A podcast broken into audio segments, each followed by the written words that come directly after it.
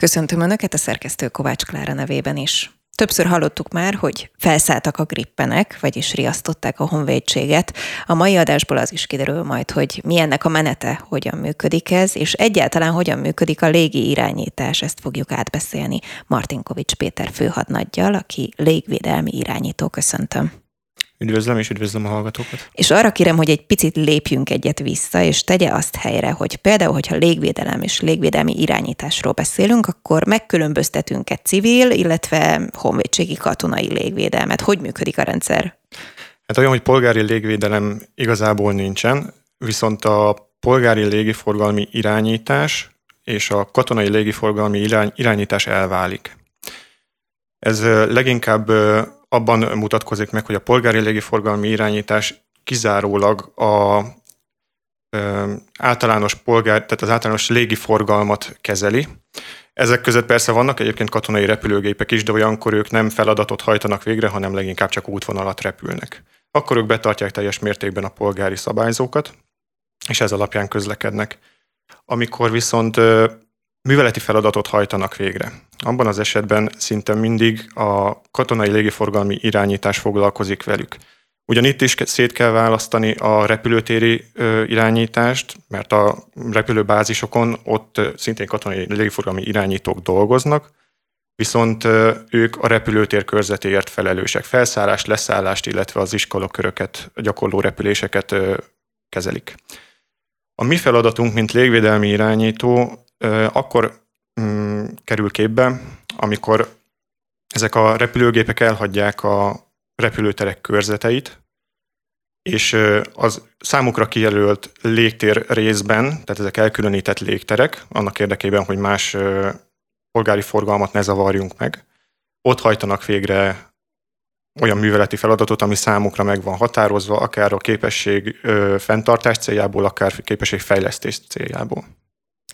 Sokat utazom, mániákusan, amikor csak tehetem, megyek mondjuk például külföldre, hogyha éppen lehetőség van rá, és amikor mondjuk az, hogy légi irányítás, akkor nyilvánvalóan szerintem nem csak nekem, hanem sokunknak a Ferihegyi központ jut eszünkbe, és engem meglepett, hogy igazából Veszprémből irányítják mindezt. Hogy működik ez a gyakorlatban? A polgári irányítás az Ferihegyen van. Oké. Okay. A katonai sőt inkább úgy mondanám, hogy a légtér ellenőrzés központja van Veszprémben, a Sziklában. Ez egy viszonylag nagy egyrészt rendszert ölel magában, és nagyon sok kollégát, nagyon sok katonát, akik ebben a rendszerben dolgoznak. Maga a szikla az csak az alakulatnak a központja, egyébként hét más helyőrségben is diszlokálnak egységeink, ők különböző más feladatokat látnak el, de legvégén mindenki azért dolgozik, hogy ott a központban a légtér ellenőrzés, a radarkép, és ezen keresztül a katonai repülés irányítás biztonságosan megvalósulhasson. Milyen feladatkörök tartoznak Önökhöz? Onnan látjuk el ugye hazánk légtér szuverenitását garantáló légtérellenőrzés és fegyverirányítási feladatokat, minden a légierő zöggenőmentes feladatellátását biztosító szakterületen dolgoznak még Veszprémi katonák. Itt a katonai meteorológia, atombiológiai vegyi riasztás, légikutató szolgálat, egészségügyi kiürítési feladatok koordinálása, vagy akár az állami légi szállítások szervezése. Hogyan lesz valakiből légvédelmi irányító? Ön például hogyan került ide? Én 2010-ben kezdtem az akkor még nem, az Rényi Miklós Nemzetvédelmi Egyetemen, 14-ben avattak hadnaggyá, 2014-ben avattak hadnaggyá, és akkor kerültem az alakulathoz, mint légvédelmi irányító részleg, részleg parancsnok, tehát én már 9 éve vagyok az alakulatnál. De bocsánat, már akkor is, amikor jelentkezett, akkor tudta, hogy ezzel szeretne foglalkozni, vagy ez közben terült ki, hogy mondjuk kivételes tehetsége van ehhez? Célirányosan haladtam. Akkoriban még a választás nem úgy működött, hogy mint hogy jelenleg, hogy én légiforgalmi szakirányra akarok menni. Ez viszont mostanában már így van. Tehát aki repüléssel szeretne, légierővel szeretne foglalkozni, most már megteheti azt, hogy célirányosan jelentkezik erre a szakirányra. Nekünk volt egy gyűjtő szakirányunk, egy mérnöki szakirány, és akkor onnan lehetett specializálódni második év végén. Mi volt az, ami miatt beleszeretett ebbe, és ezt választotta?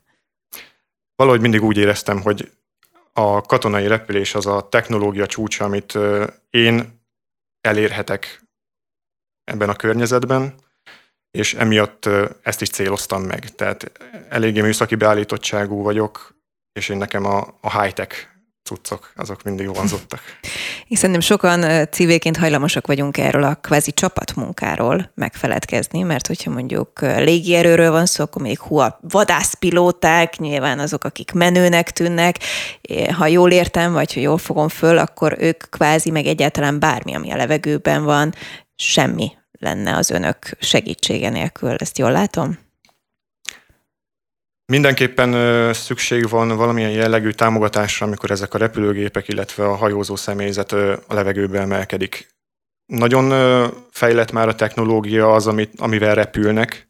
Nagyon képzettek ezek a ö, szakszemélyzetek, viszont bármikor történhet olyan eset, hogy ö, rászorulnak arra, hogy én, mint légvédelmi irányító, illetve a kollégák fentről ö, úgynevezett madártávlati képből tudjunk nekik információkat adni olyan területekről, olyan céljelekről adott esetben, amiket ő nem biztos, hogy éppen a saját eszközeivel lát, fel tud deríteni. Továbbá, mivel nagyon bonyolult rendszereket kezelnek, nagyon sok információ érkezik be nekik egyszerre, nekünk kell valamilyen szinten mm, feldolgozhatóvá tenni azt a környezetet, amiben ők éppen tevékenykednek. Majd kérem, hogy mondjon erre is példát, hogy ez hogy működik a gyakorlatban, de előtte beszéljünk arról, hogy hogy működik egy, egy műszak, egyáltalán műszaknak hívják-e, amiben önök dolgoznak, hány órát vannak be, hol, és mi mindent csinálnak. Nem műszaknak nevezik, szolgálatnak Ugye? nevezzük, de okay. igazából rajztechnikai kérdés. Alapvetően ugye lent dolgozunk a sziklában. Ez egy hegybelsejébe vájt objektum, ami külső támadásoktól védett, ezért lehet mondani azt, hogy stratégiailag biztonságos. Nincs térerő, fogadjunk. Csak annak van térerő, aminek szükséges. Ugye? Tehát ott mesterséges fény és klimatikus viszonyok között dolgoznak a kollégák 24 órában a hét minden napján, az év minden napján. Az, hogy 24 óra, az mit jelent a gyakorlatban? Az nyilván világos számomra, hogy 24-ben figyelni kell mindent, ami a levegőben van, de ez az önök szolgálatát, most, hogy tudom már ezt a szót, hogyan befolyásolja, vagy mit jelent? Egy váltásban a kollégák egy kisebb csoportban vannak szolgálatban. És hogy most csak az irányításról mhm. beszélek, uh-huh. akkor néhány főről beszélünk.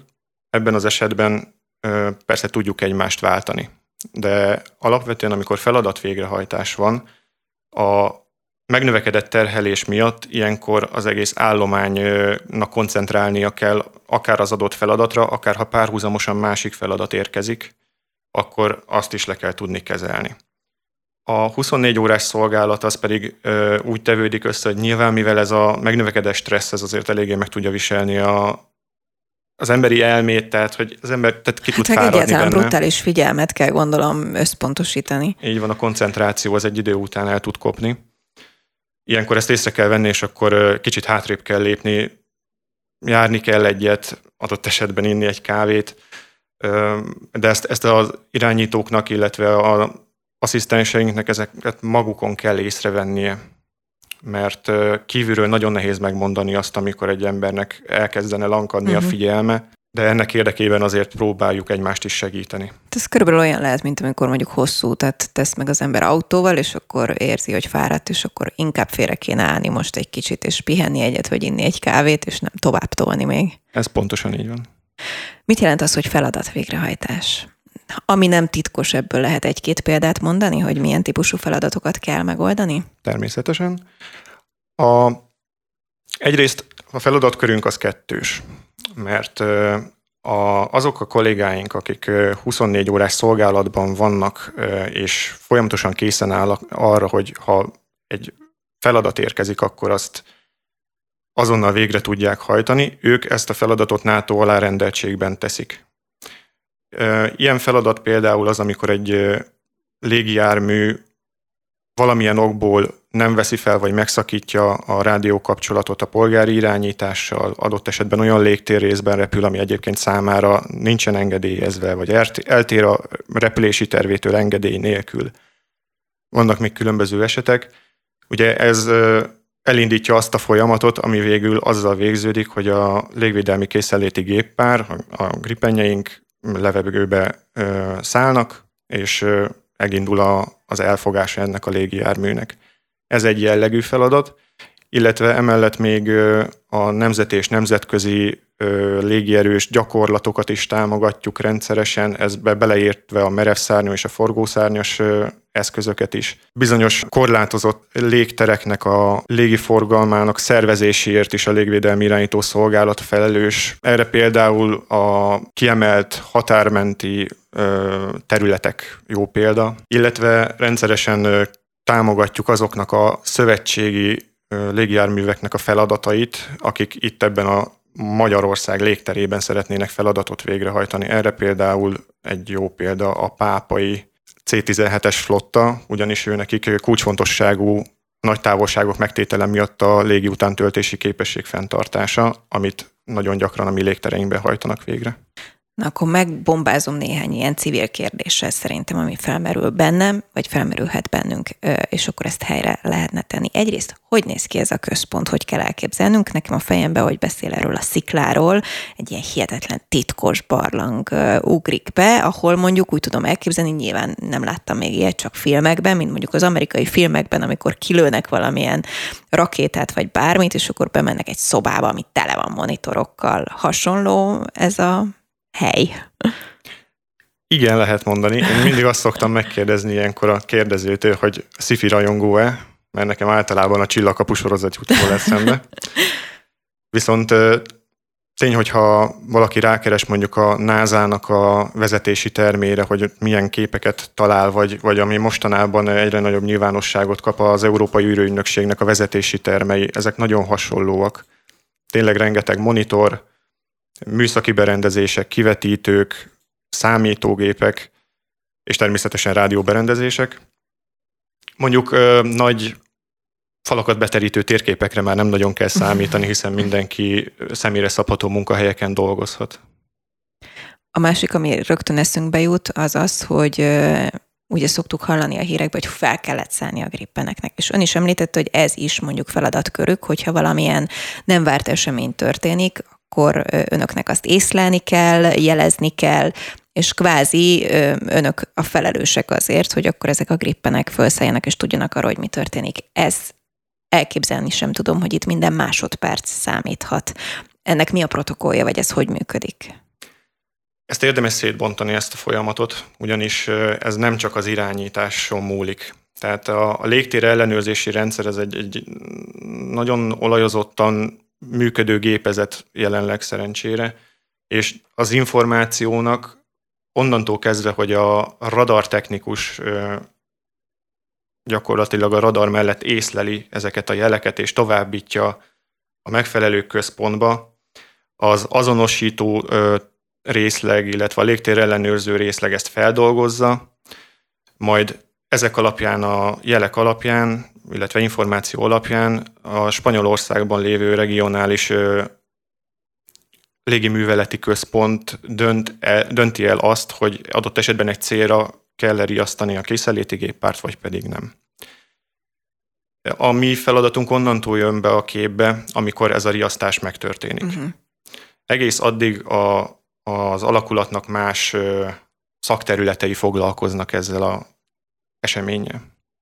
Mennyire van nemzetközi kapcsolat, gondolok itt arra, hogy egymás közt, nem tudom, szomszédos országokkal evidense a protokoll, vagy ugye most pont mondjuk Spanyolországot említette. Tehát például, hogyha történik egy nem várt esemény, akkor mennyire nemzetközi a rendszerünk? Amennyire a repülés is nemzetközi, teljes mértékben együttműködünk mind a magyar, a külföldi, polgári és katonai légiforgalmi szolgálatokkal. Ezt másképp nem is lehet csinálni, hiszen nagyon gyakran úgy kapunk információkat egy olyan légijárműről például, aminek adott esetben megvan az esélye, hogy el kell fognunk, hogy csak arra számíthatunk, hogy ezek a szomszédos országban lévő szolgálatok mhm. értesítenek minket, és így előre tudunk gondolkozni minden olyan cselekménnyel, amely gyorsítja magát a folyamatot. Hihetetlen gyors lehet minden, ami ott történik, hogy ha és amennyiben van egy nem várt esemény, ezt jól gondolom? Tehát itt minden másodperc számít, tized másodperc. Így igaz, hiszen manapság már egy átlagos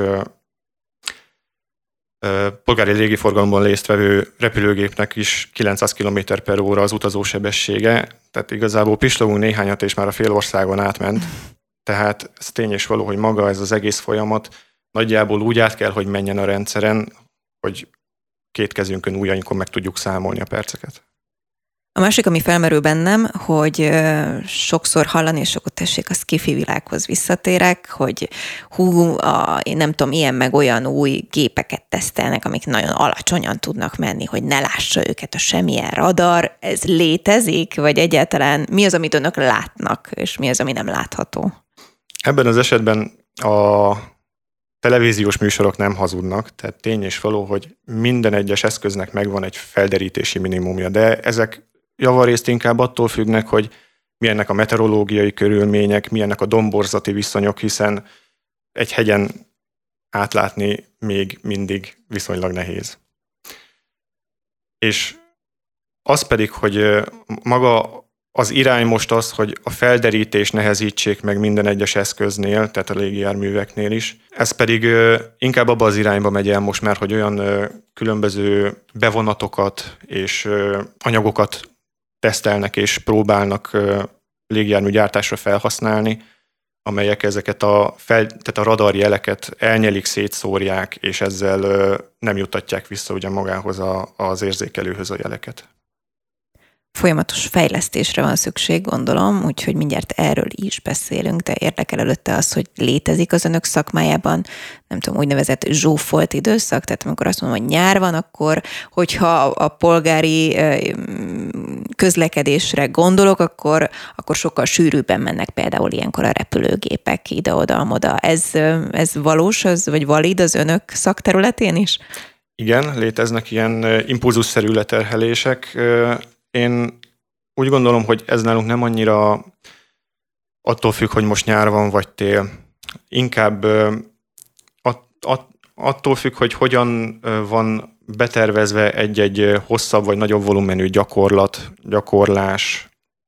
Adott esetben egyébként a nyári polgári forgalom is tud ránk terhet róni, hiszen ezeket a feladatokat minél sűrűbb forgalomba kell beilleszteni, annál több koordinációt igényel. Tehát ez néha olyan, mint egy telefonközpontban ülnénk, és amellett, hogy van egy mikrofon a fejünkön, egy headsettel, még a telefonokat is kapkodni kéne. Ilyenkor nagy szerencse egyébként, hogy vannak olyan jól felkészült asszisztenseink, akik ezeket a koordinációs feladatokat le tudják venni a vállunkról és mi foglalkozhatunk azzal, hogy az irányítás az problémamentesen, biztonságosan végrehajtódjon. Egy, hát számomra, de szerintem nem csak számomra high-tech világról beszélünk, ami azt feltételezem, hogy technikailag is folyamatos fejlődést igényel. Nemzetközi szinten ez megvan egyébként, hogy mondjuk nálunk itt Magyarországon egy ilyen típusú védelmi irányító központ pont ugyanolyan jól felszerelt, mint nem tudom, Spanyolországban, amit említettünk, vagy a szomszédoknál? Különbségek természetesen vannak. Egyrészt nem minden, ez olyan, mint amikor otthon valaki vesz egy hifi tornyot, nem mindenki ugyanazt a márkát uh-huh. szereti. De lényegében a, mivel a feladatrendszerek nagyon hasonlóak, ezeknek az eszközöknek közel azonos dolgokat kell tudnia.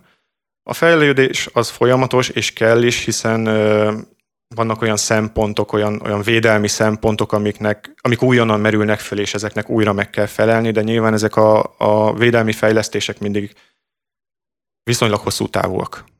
Tehát egy-egy új rádióberendezést nem két év alatt fejlesztenek ki.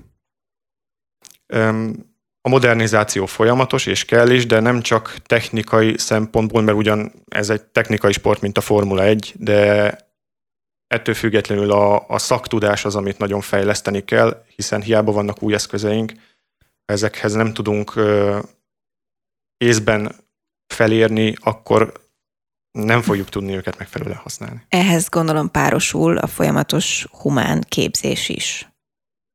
Így van, a kiképzési foglalkozásaink folyamatosak, ráadásul ugye a nemzetközi szabályzók is beleértve ebbe a NATO szabályzókat, a, a magyar szabályzók szintén, illetve a, az ICAO, ugye a nemzetközi repülési szabályok is folyamatosan frissülnek, változnak, amiket nekünk napra készen kell tartani, és ez rengeteg jogszabályt feltételez. Egy hihetetlen izgalmas és pörgős világ szerintem az önöké, amennyire most így az elmúlt percekben megismerhettük. Mi az a tulajdonság, amivel mindenképp rendelkeznie kell annak, aki, aki légvédelmi irányító szeretne lenni? Hát én azt mondanám, hogy nyilván az angol tudás, hiszen a repülés nyelve angol, de valójában ez egy kicsit kevés szerintem, hiszen inkább a nyelvérzék a fontos. Csak gondoljunk arra, hogy mindenki találkozott már akcentussal. Na most ez egy rádióban, egy viszonylag rosszabb minőségű ö, rádióadásban esetleg háttérzajt adunk hozzá. Ö, bizony, me- meg kell tudnia hámozni az almát, mert ö, érhetik meglepetések. Ez egy nagyon fontos dolog. Aztán természetesen a reziliencia, a rugalmasság, mert itt pillanatok alatt változnak a körülmények. Jól kell tudni azért számolni fejben. Nagyon, nagyon támogatóak a rendszerek, de, de a műszaki vagy a reálbeállítottság nagy előny, tényleg, hogyha valakinek van egy kis informatikai vénája, vagy rendszer szemlélete, akkor viszonylag gyorsan jó irányító válhat belőle. És hát ahogy miről már beszéltünk, hogy legyen képes csapatmunkára, mert itt mindenki egymásra van utalva. Nem csak irányítók, hanem az egész légtér ellenőrzési rendszer. Martinkovics Péter főhadnagy légvédelmi irányító, nagyon köszönöm, hogy bepillantást adott ebbe a területbe is. Nagyon szívesen köszönöm a meghívást.